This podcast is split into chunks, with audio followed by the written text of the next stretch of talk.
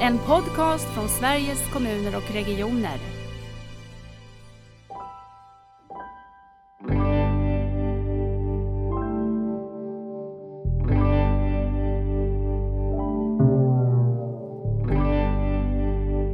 Vi gör, vi utreder inte först och sen Nej. gör vi, utan vi gör och liksom lär oss längs med vägen.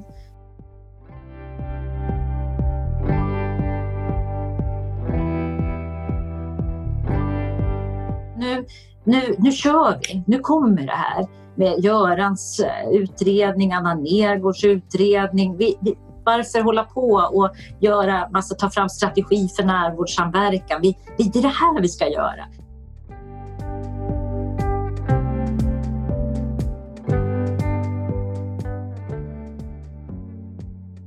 Idag i Nära vårdpodden så har vi besök av Åsa Himmelsköld. Välkommen Åsa! Tack! Alltså, du är programchef för effektiv och nära vård i Region Uppsala och det tänkte jag att vi skulle prata om strax vad det är och så. Men jag är nyfiken mer då. Vem är du? Ja, jag är eh, snart 55 år, eh, bor i Uppsala, gift med Roger, eh, har två barn mm. Två barnbarn, ett tredje på väg snart. Mm. Eh, vi tillbringar mycket tid ute vid kusten i vårt fritidshus. Så det, där är vi oftast när vi är lediga. Okay. Är barnen nära också? Barnbarnen nära också? Eller? Ja, de bor strax utanför Uppsala så det är fantastiskt roligt. Just det.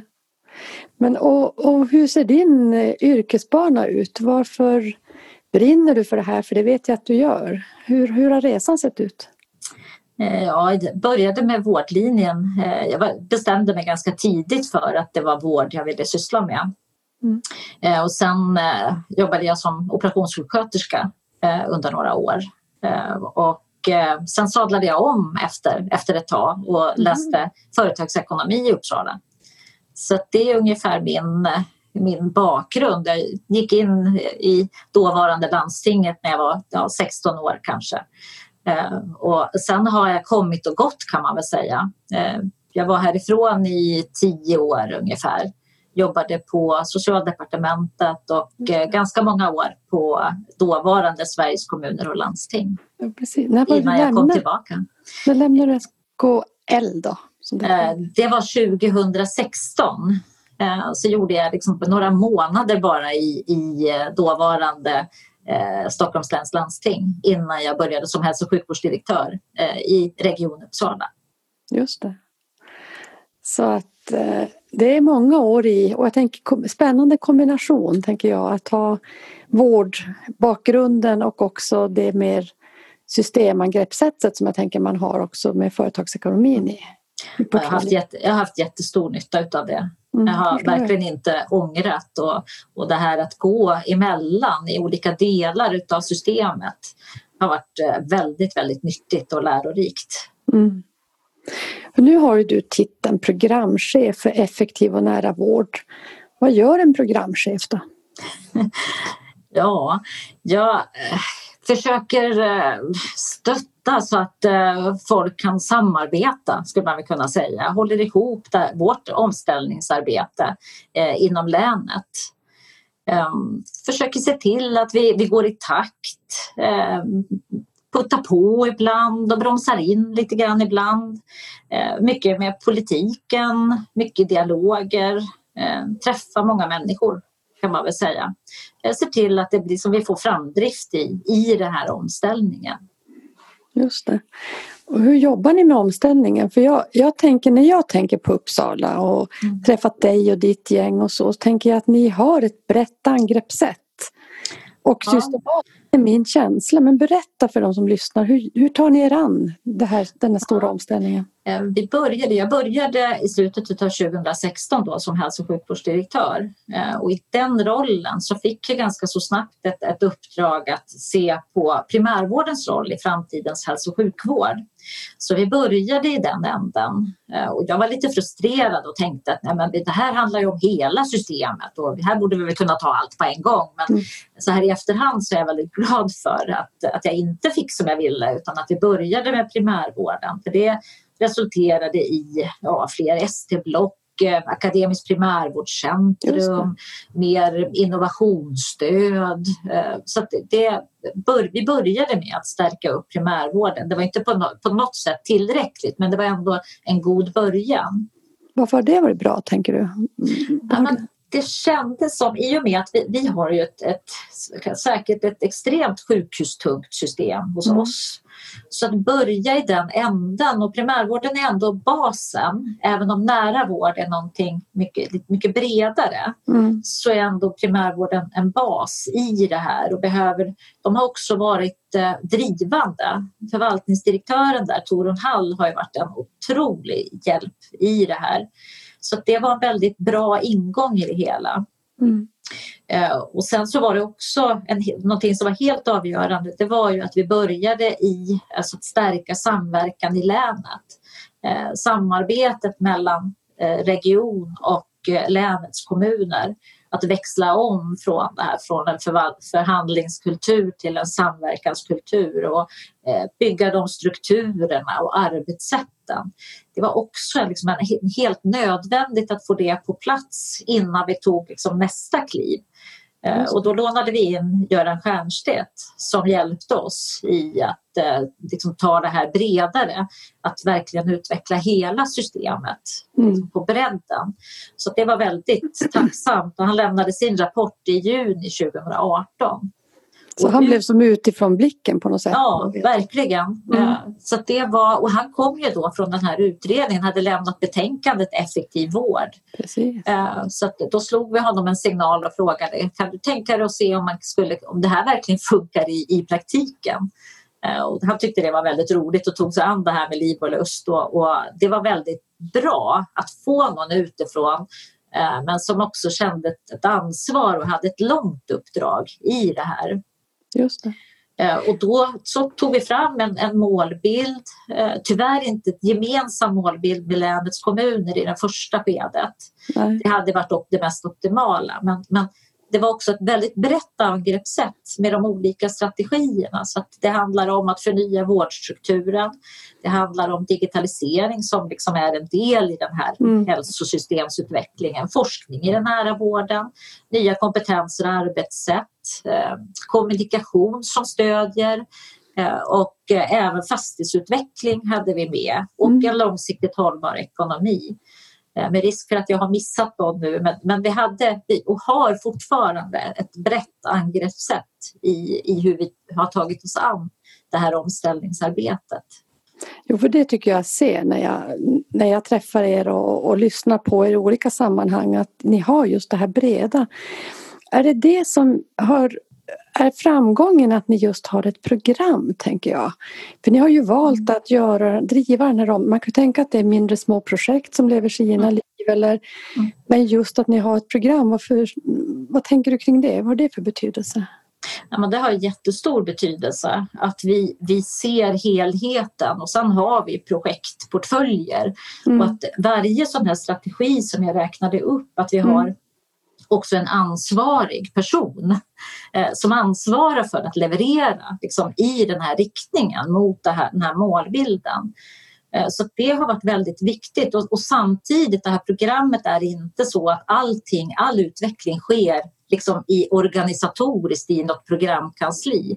Utan ja, programkansliet och, och, min roll det är ju att stödja de som äger de här strategierna, projektägare, projektledare liksom att, att göra det så lätt som möjligt. För att projekten drivs till största del utav verksamhetsansvariga. Eh, och det är ju både på gott och ont. Det är ju lite eh, känsligt, särskilt nu i dessa tider där, de, eh, där vi riskerar att vi går inte riktigt så snabbt fram kanske. Ja, Men samtidigt så, så blir det liksom, vi, vi gör, vi utreder inte först och sen Nej. gör vi utan vi gör och liksom lär oss längs med vägen.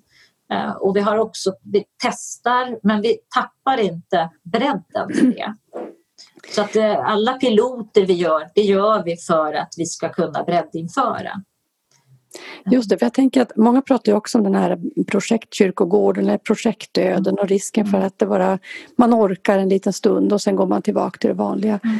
Men, men jag kan tänka mig att man jobbar som ni gör, då gör man ju det, det är ändå direkt i den verksamhet som sen ska leva vidare. Det är inte ja. en sidan om struktur. Nej, att det är ett sätt att ändå bygga lite mer långsiktigt och hållbart. Ja, ja. Men, det, det, här bred, det här breda angreppssättet det har vi också haft när vi, när vi har jobbat med, med psykisk hälsa till exempel. Mm eh, olika målgrupper. För mål, de viktigaste målgrupperna här det är ju de med komplexa behov. Mm. Eh, äldre till exempel, men framför allt psykisk hälsa.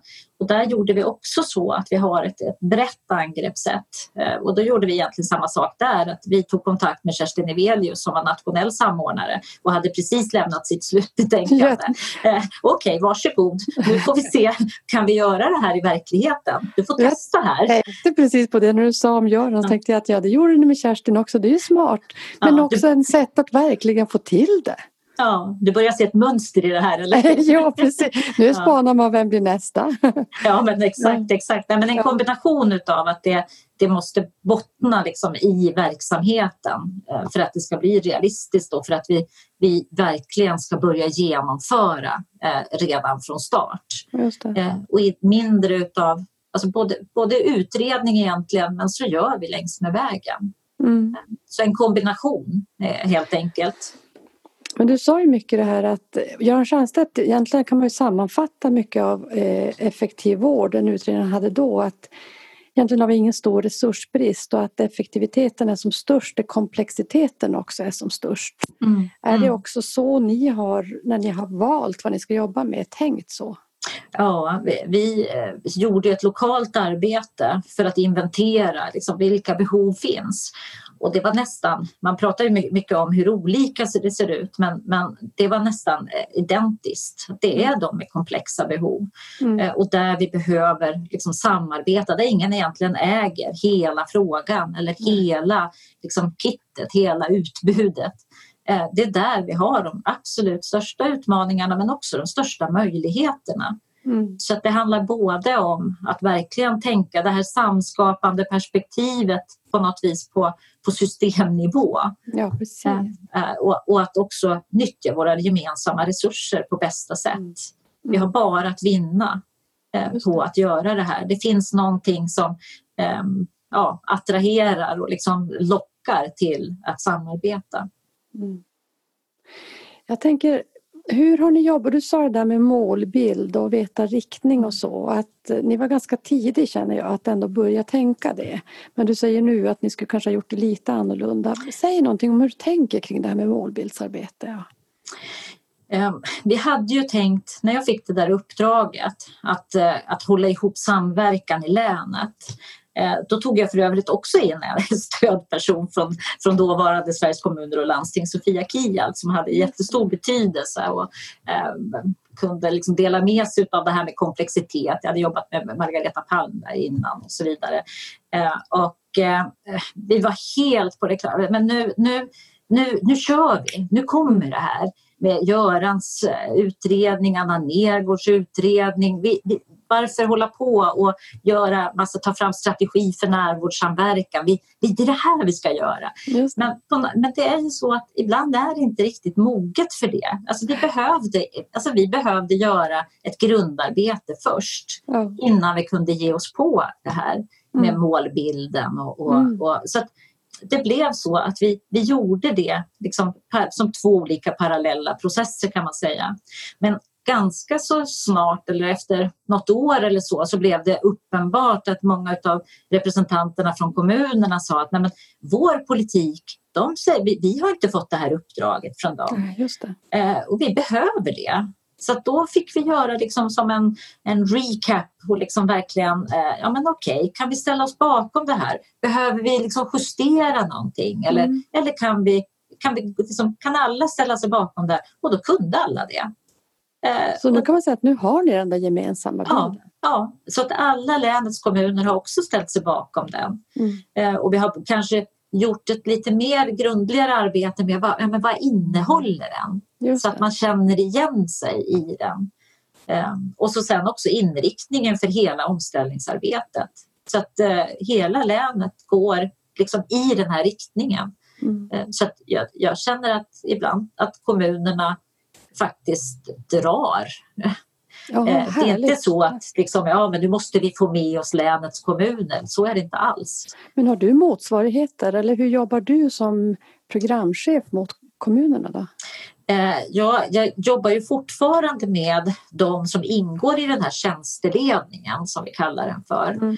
Eh, ganska mycket, socialchefer, vård och omsorgschefer. Men allt fler kommuner nu alltså utser alltså min motsvarighet Eh, och sen har vi sedan tidigare haft närvårdsstrateger som är samfinansierade och representerar ju både region och länets kommuner och de har, har, träffar jag ju regelbundet. Ja, eh, så att eh, jag tror ju att vi, vi kommer att... Jag skulle ju vilja att vi hade ett gemensamt programkansli för länet. Ja, det så det är min lilla, lilla sån här, passa på att lansera den nu. Ja men precis, det får du väl se till. Det kanske ska vara någonting som man jobbar med i nästa eh, period av överenskommelse. Ja men precis. Relaterade medel och så. Ja. Och jag tycker det här är ju, det, alltså ni som arbetar nationellt har ju liksom, eh, kan ju ge fantastiska förutsättningar för det här att liksom stärka det här. Jag har hela tiden tyckt att när man inte har något särskilt för, län, för kommunerna och något Nej. annat för regionerna. Nej. Det blir fel från början på något vis. Så att, eh, jag, jag, känner att vi har ju också eh, jobbat tillsammans med ledning och styrning och samordning kring kunskapsstyrningssystemet. Just det. Eh, och det har vi också nytta utav i det här arbetet, verkligen.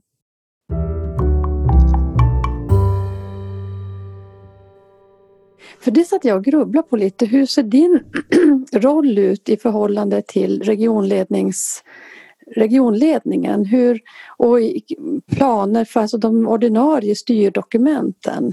Ja. Hur, hur, funkar det ihop?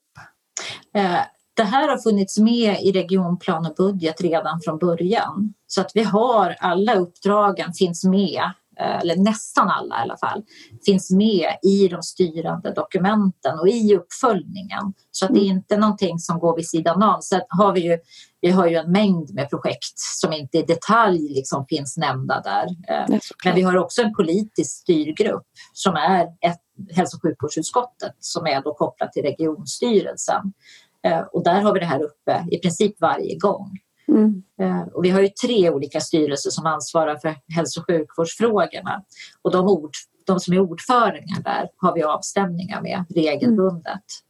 Mm. Men jag är inte med i koncernledningen till exempel eh, längre som jag var Nej. när jag var hälso och sjukvårdsdirektör. Så det är Nej. klart att det har blivit lite annorlunda jämfört med min tidigare roll. Mm. Vad är lite, största skillnaden?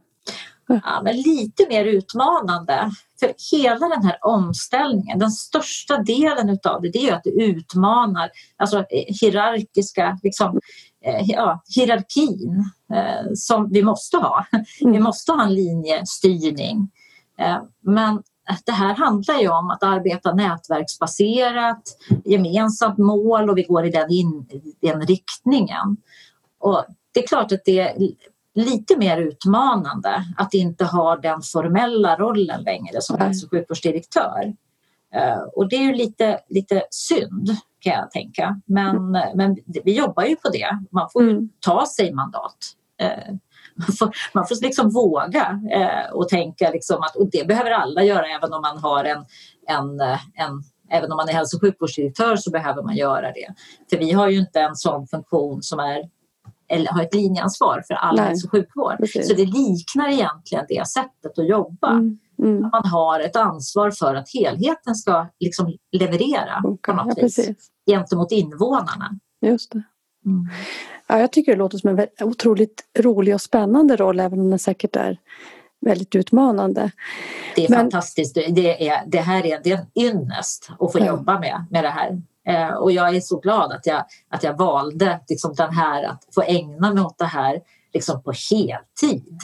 Eh, alltså det är helt fantastiskt. Eh, för, jag, för jag tänker på det, du vet, du vet Åsa, jag brukar alltid prata om det här varför, men jag tänker det finns ju också en drivkraft i om man hittar angelägenheter som är riktigt angeläget för sig mm. själv, att man har ett starkt varför. Och det tänker jag att det har du i den här frågan, alltså att du verkligen också drivs av den, inte bara professionellt utan någon övertygelse. Det känner jag i alla fall. Får ja, men, nej, men det, det här är inte bara ett jobb.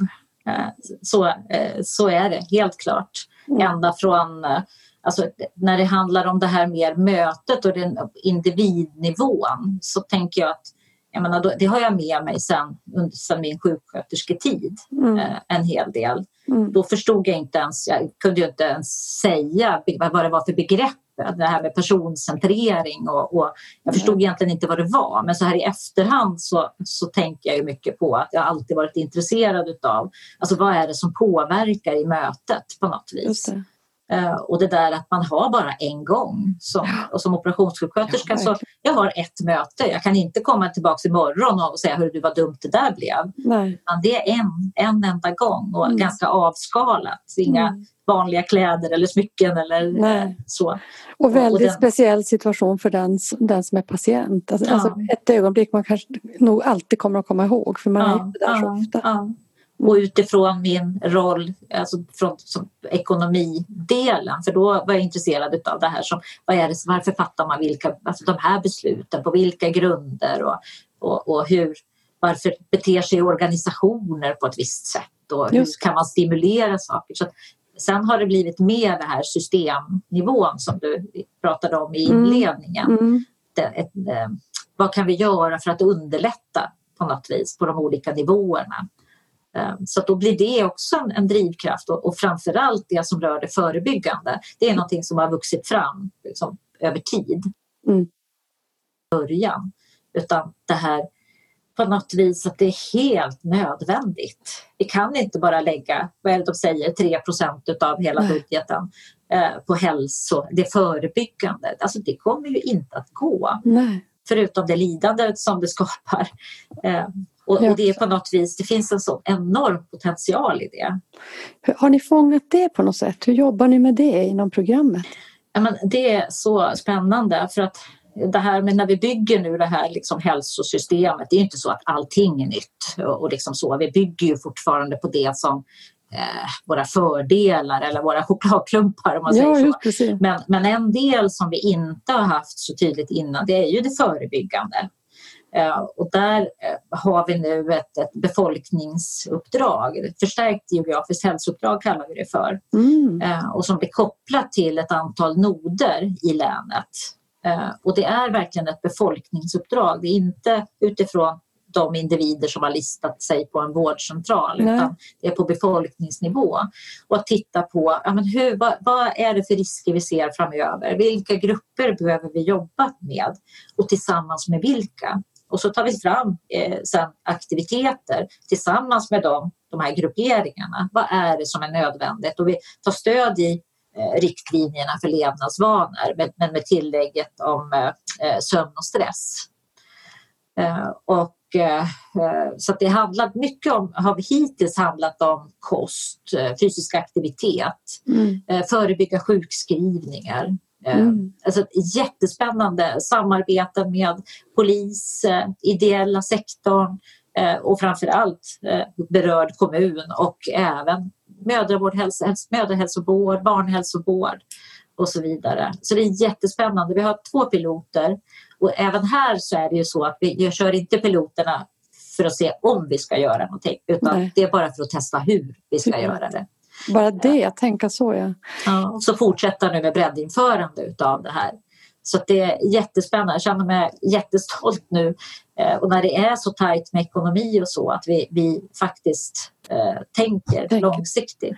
Det är ju otroligt inspirerande det där med att tänka också geografiska områden. vi har ju släppt det under ett tag när det ja. försvann i primärvårdens uppdrag. är det primärvården som har det här?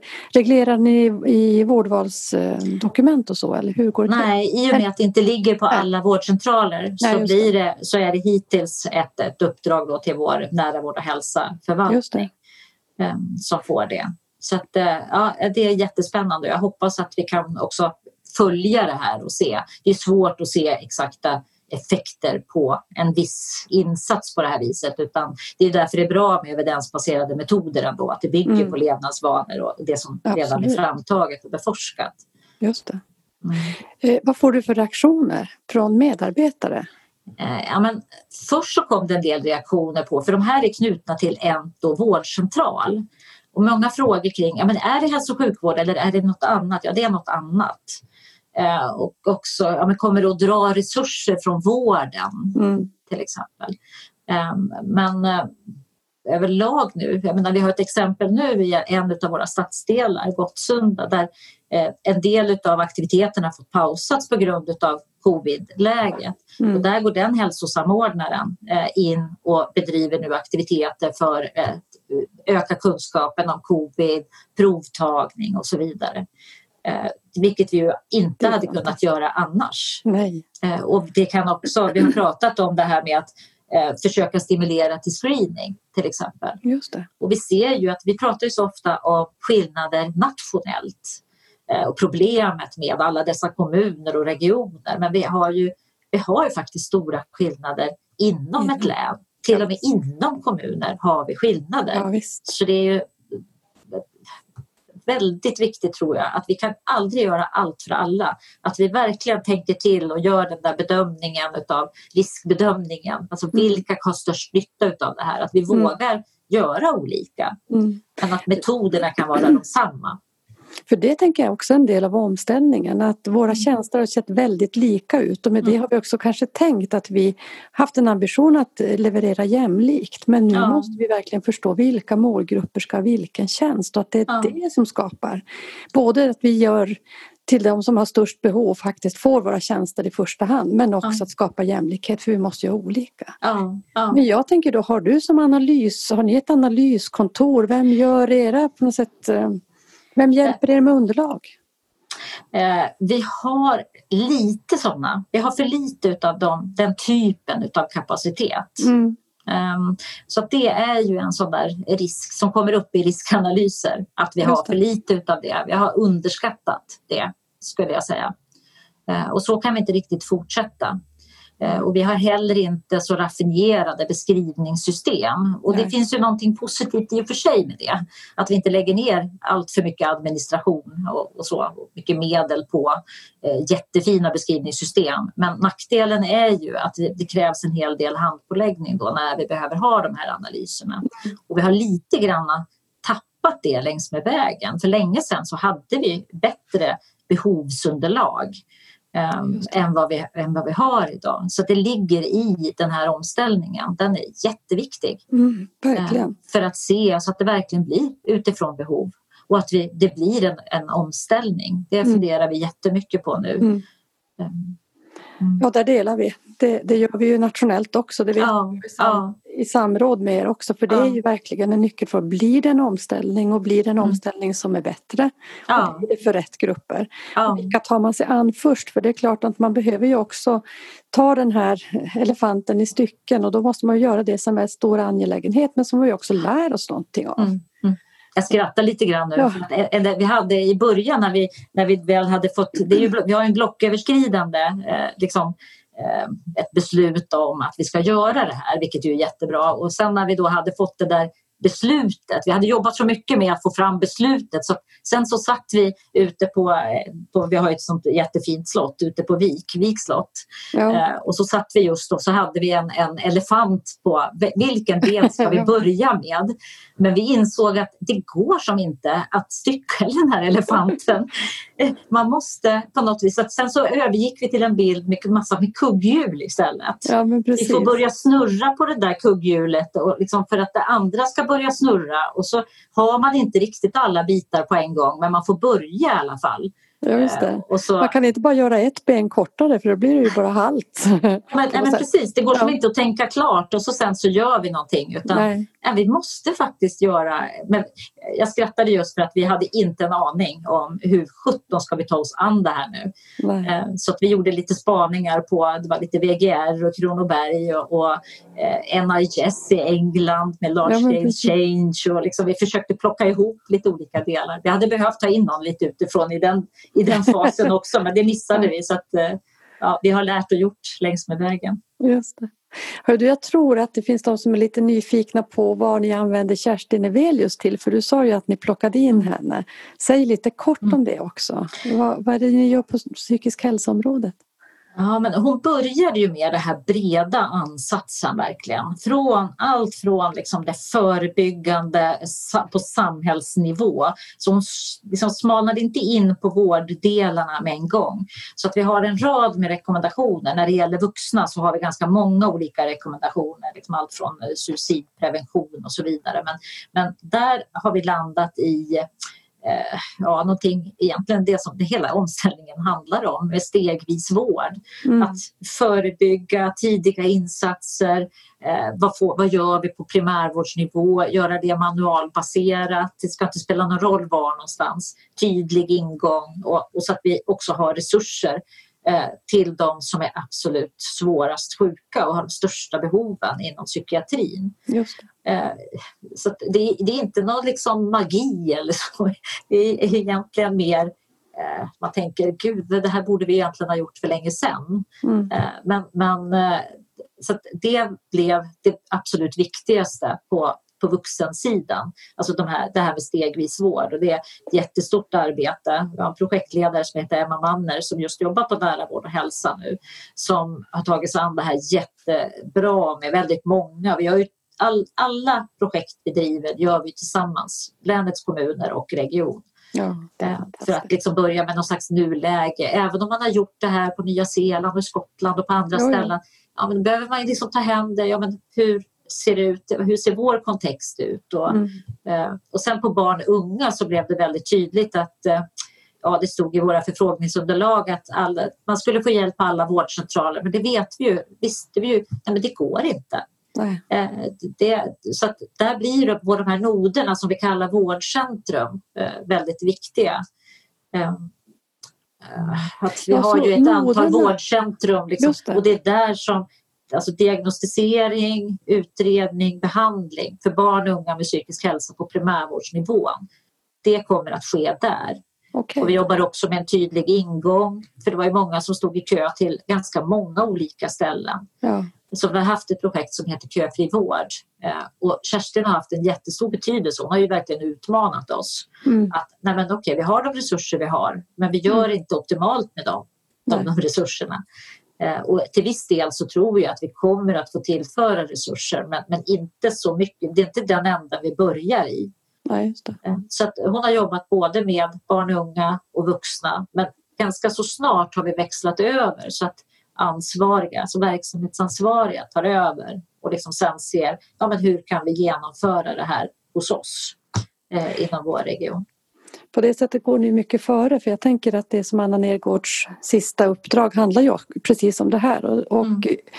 jag tänker väldigt mycket att det är också genom att, att lära och, och, och lyssna på varandra som vi kommer att kunna ta oss vidare så där gör ni ett mm. jättestort jobb som kommer att spela stor roll för, för övriga hälso och sjukvård-Sverige. Ja. Jag, hopp, jag hoppas det i alla fall och det finns säkert flera som, som gör lite liknande saker, det tror mm. jag.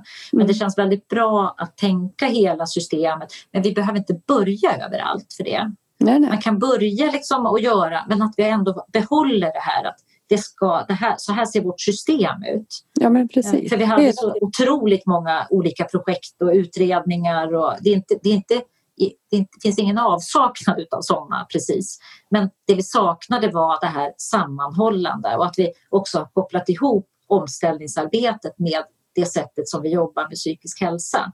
Just det. Eh, det tror jag har varit um, Risken är ju att det blir för mycket kring system och vårdstrukturer och att ja. vi tappar lite grann målgrupperna. Just Så det. Det, det, har känts, eh, ja, det har känts bra.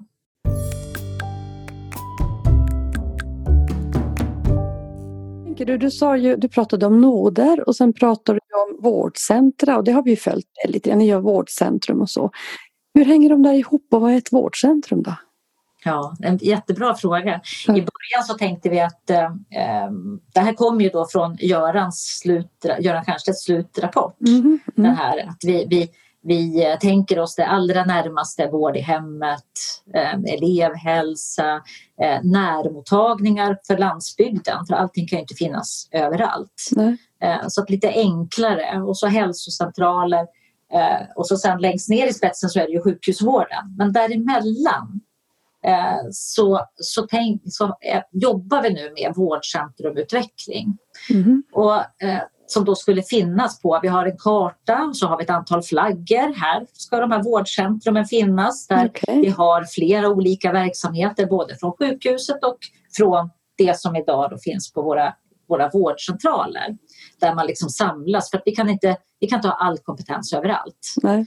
Eh, men från att ha tänkt väldigt mycket så att det ska finnas precis där flaggan sitter så har vi nu ja, visst, en del saker som närvårdsplatser, alltså slutenvård på primärvårdsnivå ja, som egentligen inte finns. Eh, och Men det har funnits länge i norra, norra Sverige. Ska jag, säga. jag vet, det finns ja. ju då. Bara för att det inte finns i lagstiftarens mening så, så finns det ju väldigt mycket ändå. Det är ju jättebra.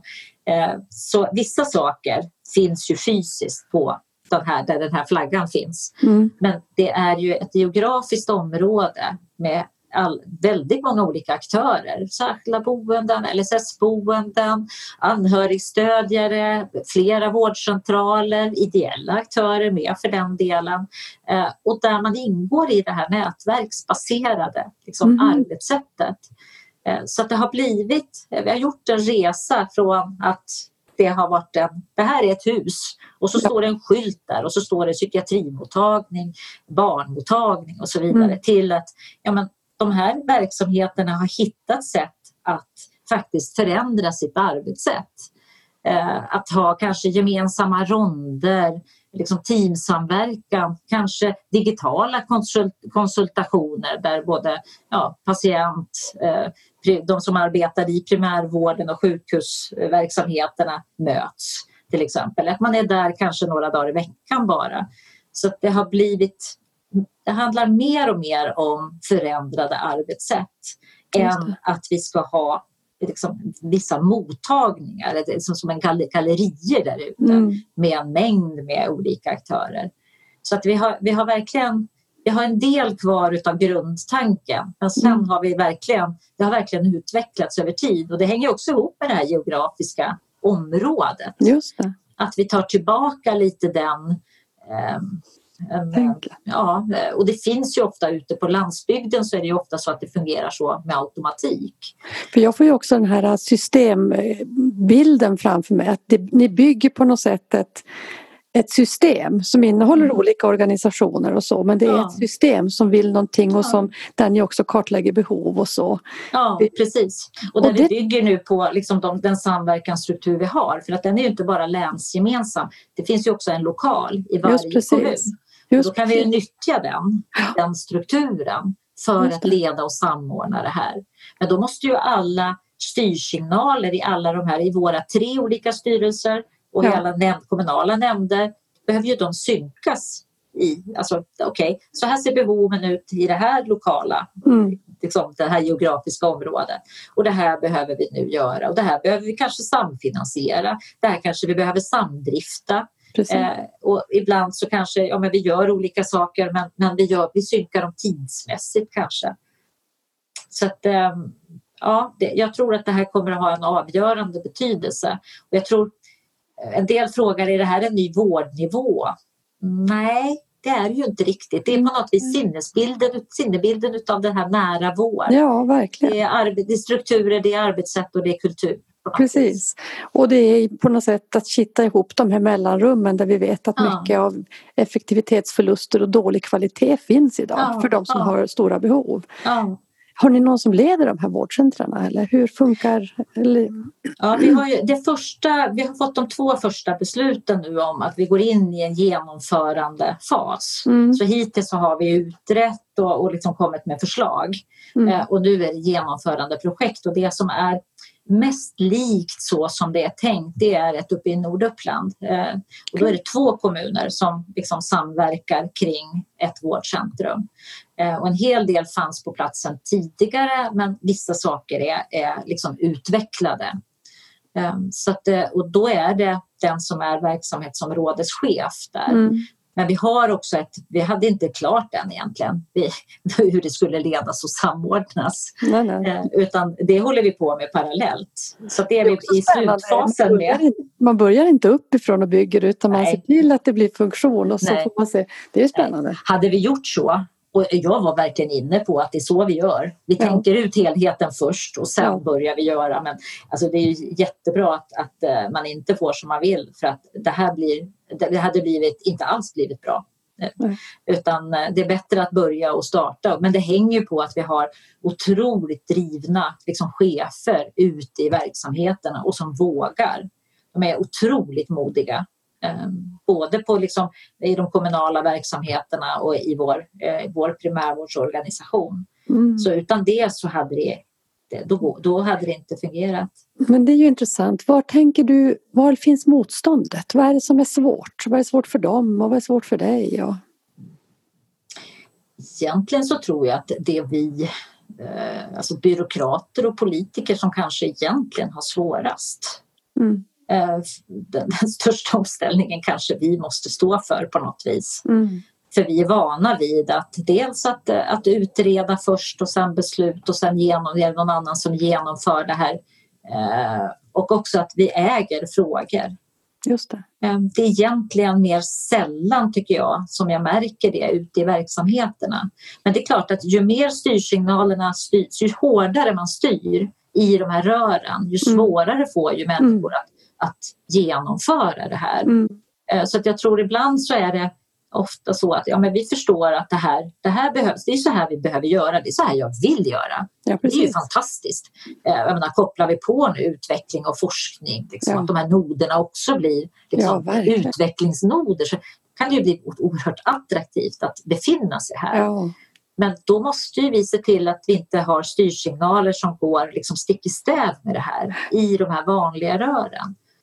Eh, och det är nog det som är den största utmaningen just nu. Jag håller med. Jag tänker också att eh, jag ser ju att det är väldigt kraftfullt engagemang från medarbetarna och man verkligen mm. vågar släppa det här. Ja. Fritt på något sätt eller fritt men, men till mm. den kreativitet och den ja. känsla för verksamheten som finns. Men det är en stor omställning för hela lednings styrsystem och ja. strukturer som jag vi kanske inte har synat från början riktigt. Nej, vi, vi synar ju sällan oss själva. Nej, precis. Mm. Och, det, det, och det är därför jag tror att det är bra att ta in någon lite utifrån som utmanar oss. Mm. Precis. Ehm, jag vet i början så hade vi en hel del kring det här med till, alltså tillitsstyrning och de här delarna men, men de har liksom lite grann fallit bort längs med vägen utav någon underlig anledning. Ehm, så att, eh, ja, det är viktigt att eh, vi utmanar och det kan vi ju hjälpas åt med. Ja. Tänker jag, eftersom alla går i den här, i den här, i den här riktningen. Det är ju jag har ju jättestor hjälp av liksom kollegor ute i landet, utav eh, er som medlemsorganisation som samlar oss eh, ja. kring alltså angelägna liksom, ämnen.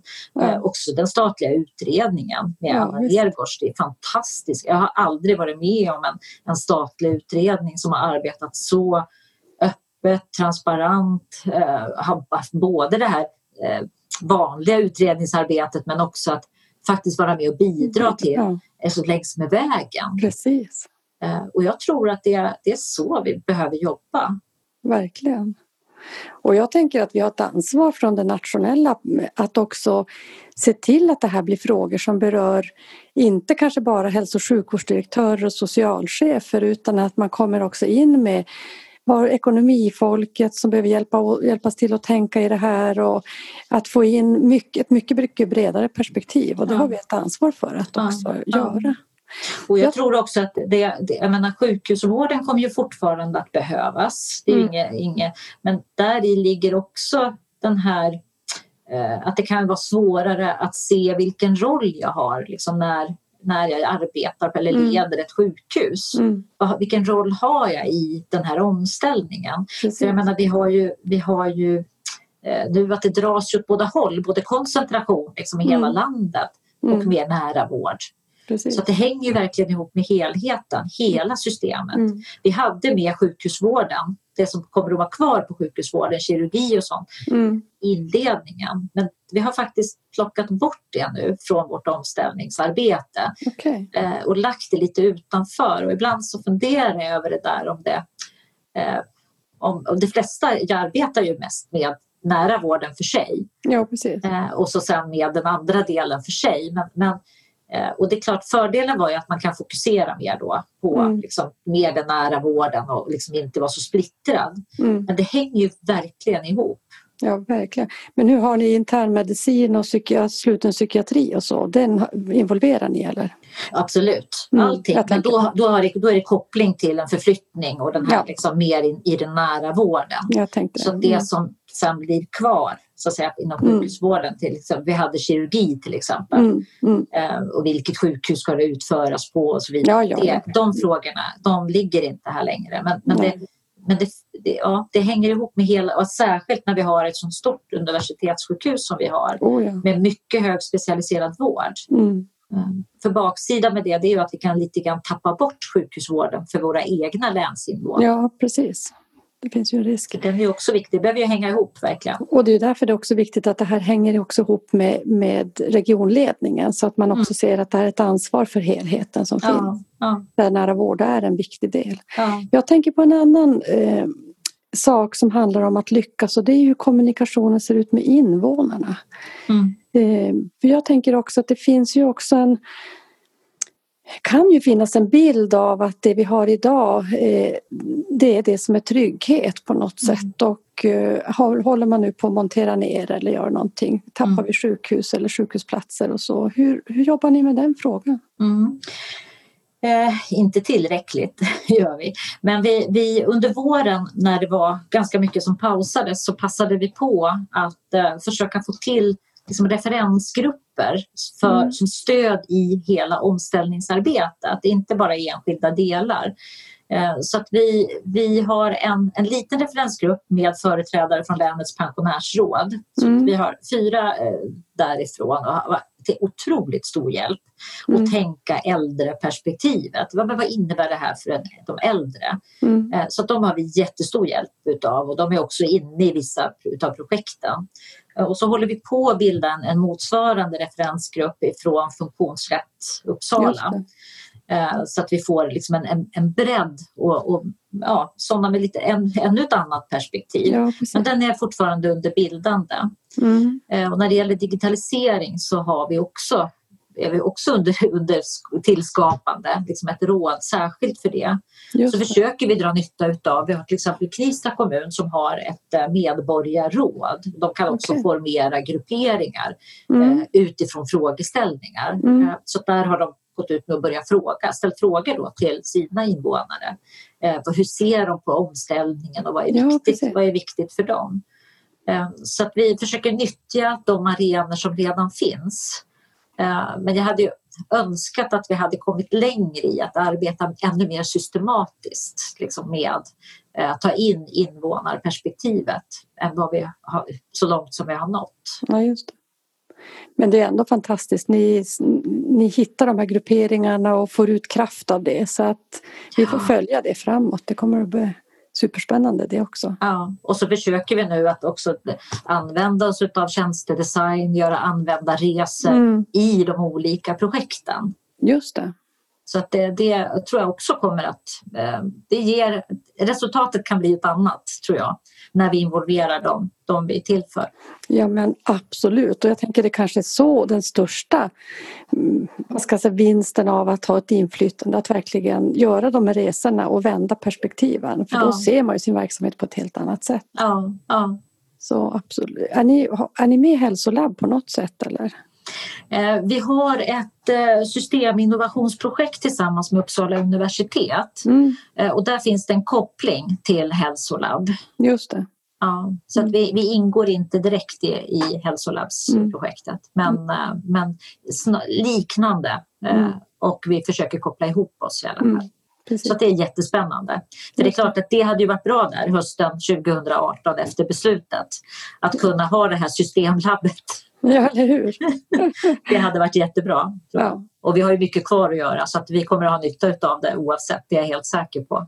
Ja, det är aldrig för sent. Nej. För det här, det, det här är något som, aldrig, som kommer att vara helt färdigt bara en viss datum. Nej, det kommer att, vara, det kommer att pågå väldigt, väldigt, väldigt lång tid framöver. Ja, precis. Hör du, eh, jag tänker på precis den här tiden vi just nu är inne i. Vi ser en eskalerande smittspridning och ni i Uppsala har ju haft det särskilt tufft. Du får gärna säga något om den nulägesbilden men också vet jag ju att ni har gjort en, en rapport om hur pandemin har påverkat nära vård eller hur nära vård har påverkats. Så du kan väl berätta om de här Mm.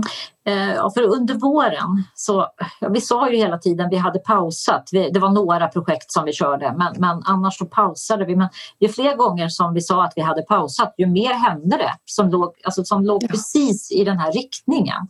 Alltså i, i målbilden med eh, effektiv och nära. Eh, alltså all, alla de fyra delarna vi har i vår målbild. Så då så sa vi det att ja, kan vi inte försöka få någon slags momentum i det här? Eh, för ofta så vi är ju duktiga ändå när det är kris och, mm. och, vi liksom samlar oss, eh, vi jobbar över gränserna, vi hittar nya kreativa sätt att lösa uppgifterna på. Kan vi på något vis få en hävstångseffekt och liksom bibehålla den på något vis? Så att nu efter sommaren så, så startade vi upp, så vi har ingen rapport än eh, utan den är, är tänkt att bli klar i februari. Eh, så har vi påbörjat med att ställa frågor eh, till både invånare och medarbetare. Alltså vad, vad, är deras erfarenheter har varit utav pandemin? Är det någonting som vi borde liksom bevara och vad krävs då för att vi ska kunna göra det? Eller någonting som vi ska utveckla ytterligare? Är det någonting som vi, nej det här borde vi verkligen inte fortsätta med. Mm. Så att, eh, vi har börjat med alltså identifiera med de här eh, intervjuerna och så ska vi fortsätta med liksom, lite större forum eventuellt. Eh, och sen se vad vi kan liksom, dra för slutsatser utav det. Så det är ingen granskning utan det är mer för Nej. att liksom, ta tillvara lärdomarna, erfarenheterna och då använder vi också tjänstedesign enligt SKRs eh, metodik mm. från Innovationsguiden. Mm. Och också verkligen involvera både medarbetare och invånare Eh, det är det som är eh, grunden i det. Och kan vi ta oss lite snabbare fram mot målbilden ja, än vad vi skulle ha kunnat annars utan projektdirektiv och projektledare. Ja. Kan man göra det på något annat sätt helt enkelt? Mm. Eh, för vi, det är ju helt otroligt apropå samskapande och ja. hälsa. Och jag tänker också att det här om vi hade hunnit ännu längre så skulle vi, vi behöver ju bygga robusta organisationer. Mm. Eh, på ett annat sätt. Och det här mm. ger oss ju möjlighet att göra det. Mm. Um, ja verkligen och det är ju när man blickar över vad som har hänt så är det ju som du säger det har ju också hänt någonting med människor. Mötet, att våga ta beslut, att göra det tillsammans, mm. att samskapa. Och, ja. Men gör ni de här rapporterna, bara slog mig det här att förstå behov, gör ni det i noderna eller de här eh, områdena? Om, när ni gör det på helheten? Nej, vi gör det på helheten. Mm. Gör vi. Ser det och vi ut? frågar också systemled, alltså systemhållarna eh, utifrån deras perspektiv. Eh, Just det. Så det, det, blir också ett intressant perspektiv. Alltså hur, mm. sam, hur har samverkan fungerat? Vad kan vi bygga vidare på? Eh, men det är kopplat till målbilden helt och hållet. Så mm. det är mm. inte bredare än så. Nej. Ja fast det är ju bra tänker jag att det är också riktningen som ni är ute efter att, att förstå ja. och se hur har det påverkat så det känns ju logiskt för mig. Ja, ja. Jag tänker hur, hur ser din vardag ut nu? För nu har ni ju ett tufft läge har jag förstått i Uppsala och är det mm. broms nu på nära vårdutvecklingen igen eller hur? Förmodligen så kommer det att bli eh, paus på en hel del så att vi, mm. vi kommer den här veckan nu så ska vi ha prioriteringsdiskussioner. Eh, och jag är lite orolig för att bara säga att vi, vi pausar allting. Mm. Eh, jag hoppas verkligen att vi, kan, att vi kan fortsätta med vissa delar åtminstone. Mm. Eh, att vi inte liksom, eh, för det, det å andra sidan, jag, jag tror att det är, far, det är vanskligt att tappa den här utvecklingen liksom en, en gång till nu. Mm. Det tror jag, men samtidigt så har jag full förståelse för det läget som vi befinner oss i nu och utifrån den strategi vi har att det är verksamhetsansvariga som i, största del driver och leder de här olika projekten. Ja, precis. Eh, så blir det ganska naturligt att vi, vi kommer att få pausa en, en hel del. Mm. Jag, är helt, nu, jag har börjat acceptera det nu. Ja. ja. ja, det är ju det är, ju, det är verkligen synd för man känner ju när man pratar med dig Åsa vad fantastiskt alltså att ni får så pass ni får så mycket gjort med att orka hålla ihop helheten och ha en riktning. Jag tänker att det är så intressant. Jag skulle kunna prata med dig en timme till. Och det tror jag många som kommer att lyssna eh, kommer att känna att det är er kan man blicka på och få lärdomar av. Och, och så. Är det någonting du tänker, för vi ska börja runda av, som du hade velat sagt som du inte har sagt? Jag tror inte det. Jag tror att det här att vara öppen och transparent och, och vara öppen med det som blev lite tokigt och, och, att vi kan lära oss av varandra. Jag tror att det är, och jag, uppfattar att de flesta av alla de som, som leder det här arbetet mm. ute i, i Sverige är just öppna. Mm. Uh, och det, det tror jag kommer att vara liksom en nyckel framåt, att, att vi är det. Att vi, vi delar med oss av erfarenheter. Mm. Både det som har gått bra men också det som, mm. ja, men det här blev inte riktigt som vi hade tänkt oss. Eh, och ibland så kan det faktiskt bli mycket bättre än vad vi hade tänkt sig från början.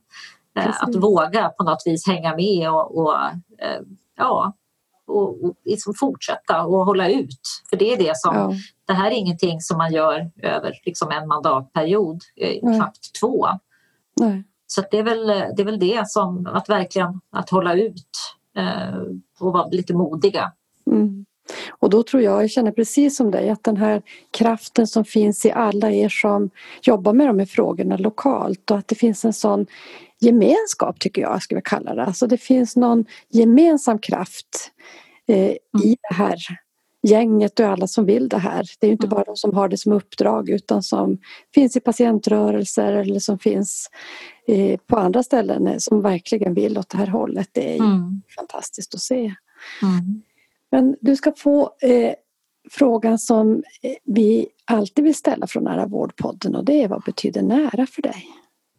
Mm. Jag tänker att Eh, det handlar om en, en, att ha en tillit till att alla vill göra sitt bästa och att ha, ha ett förtroende för varandra.